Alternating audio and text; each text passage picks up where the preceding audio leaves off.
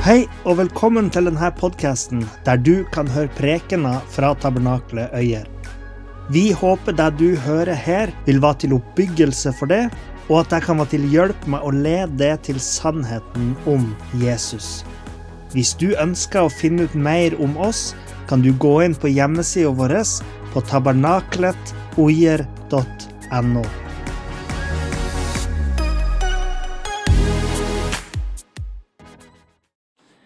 Mye har blitt sagt om frykt de siste dagene.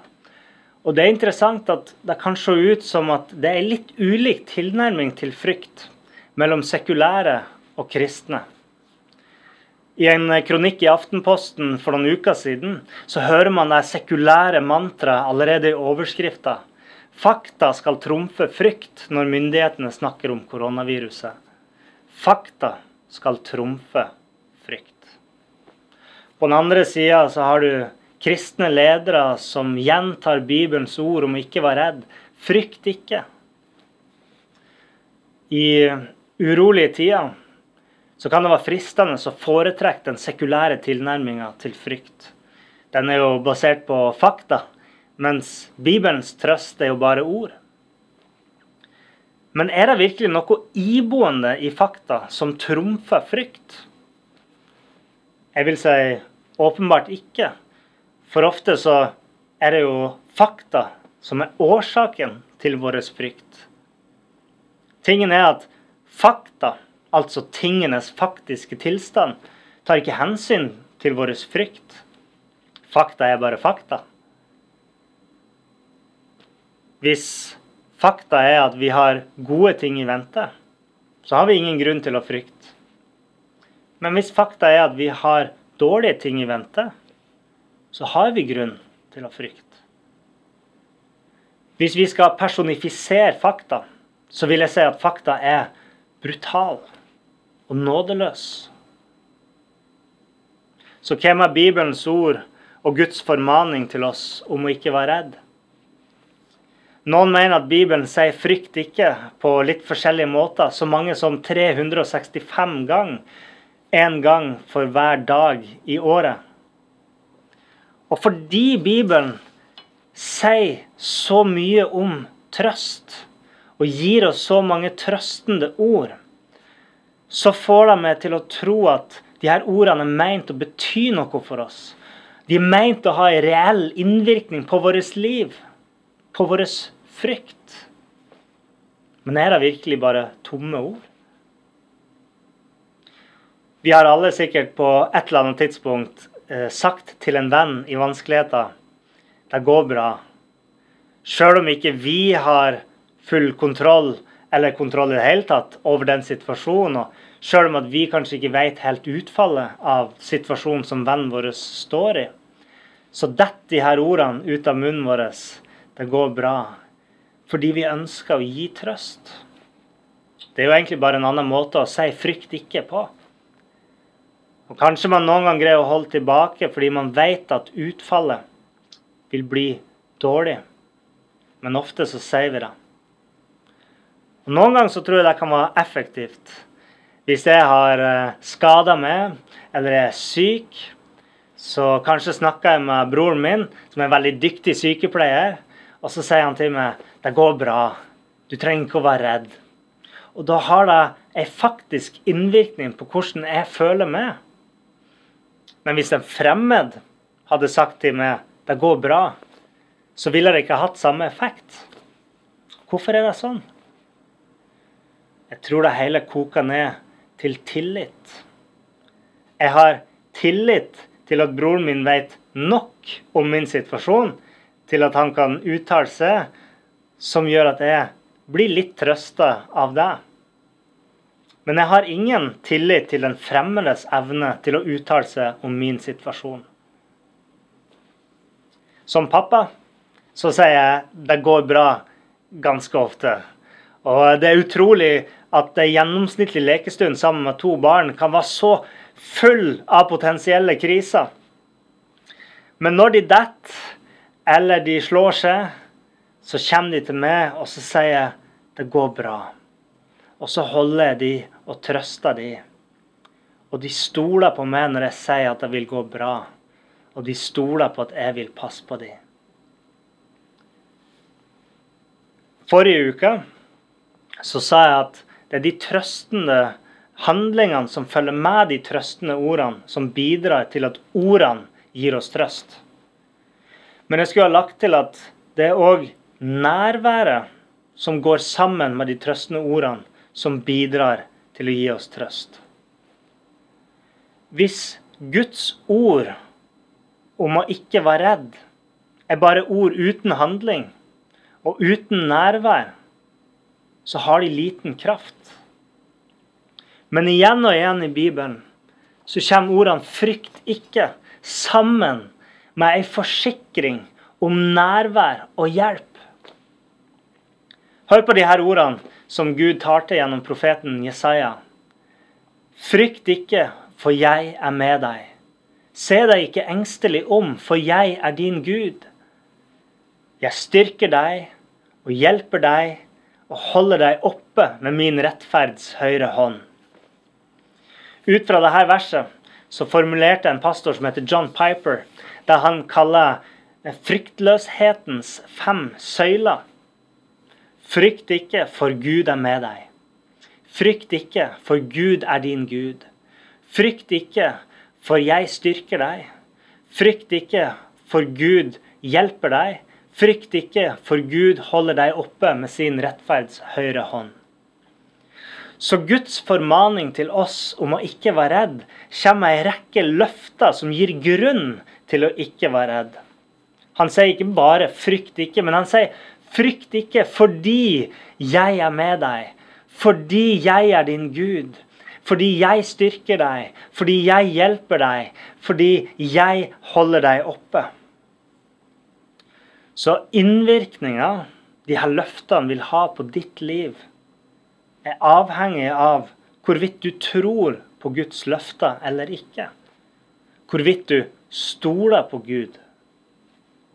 Er han som en fremmed for det, så er sannsynligheten stor for at Guds oppmuntring vil være ganske verdiløs for det.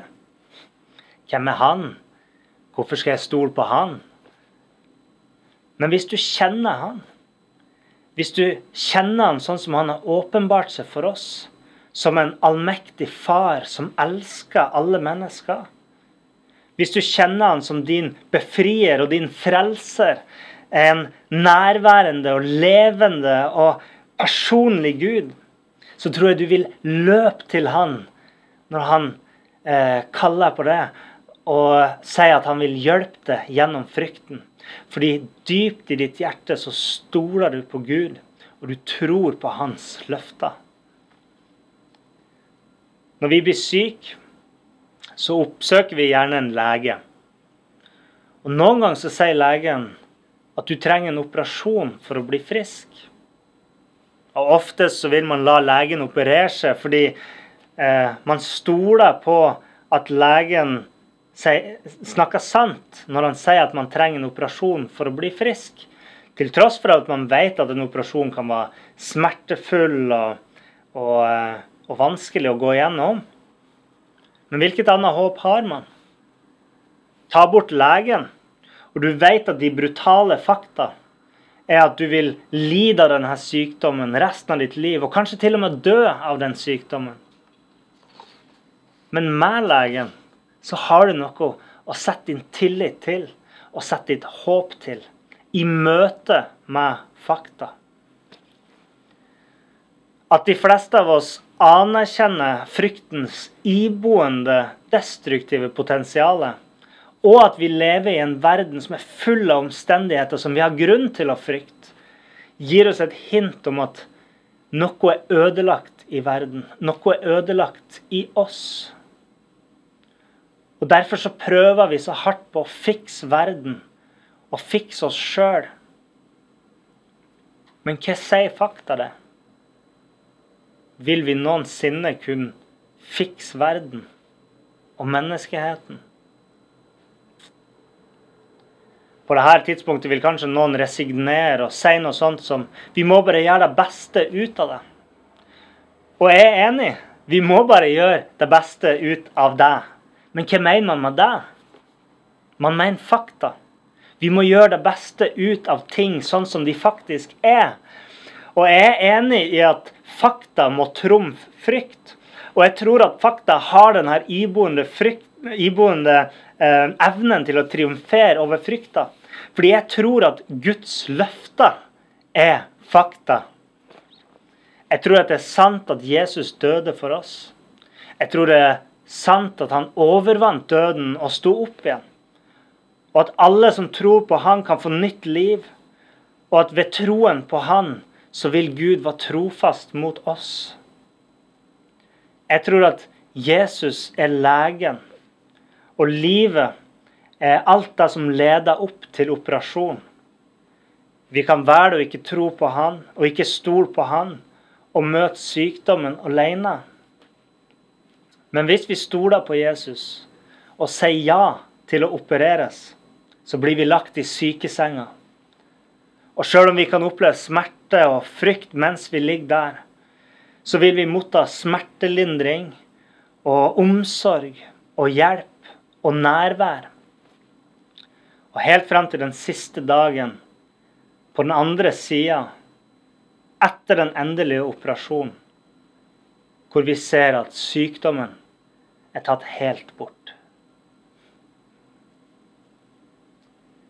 En eh, mann som hadde en ung datter. Datteren hans var død. Han kom til Jesus for å få hjelp. Jesus sa til ham, 'Frykt ikke, bare tro'.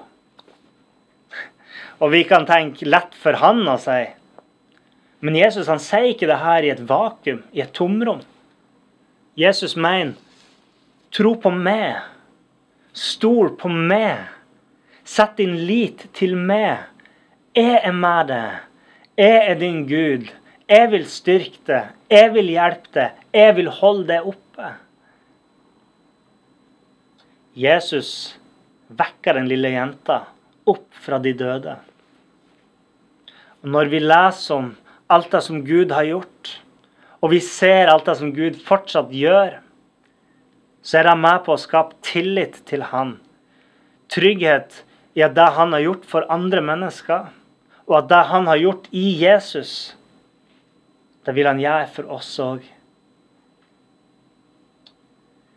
Hvorvidt du tror på de her tingene eller ikke, forandrer ikke hvorvidt det er sant eller ikke. Men det vil endre måten du møter din frykt på. Alene eller sammen med Gud. Jeg har lyst til å minne deg på at det er en måte å møte din frykt på som gjør at du kan overgå fryktens makt over det ved å tro på Jesus Kristus. Gud velsigne dere alle.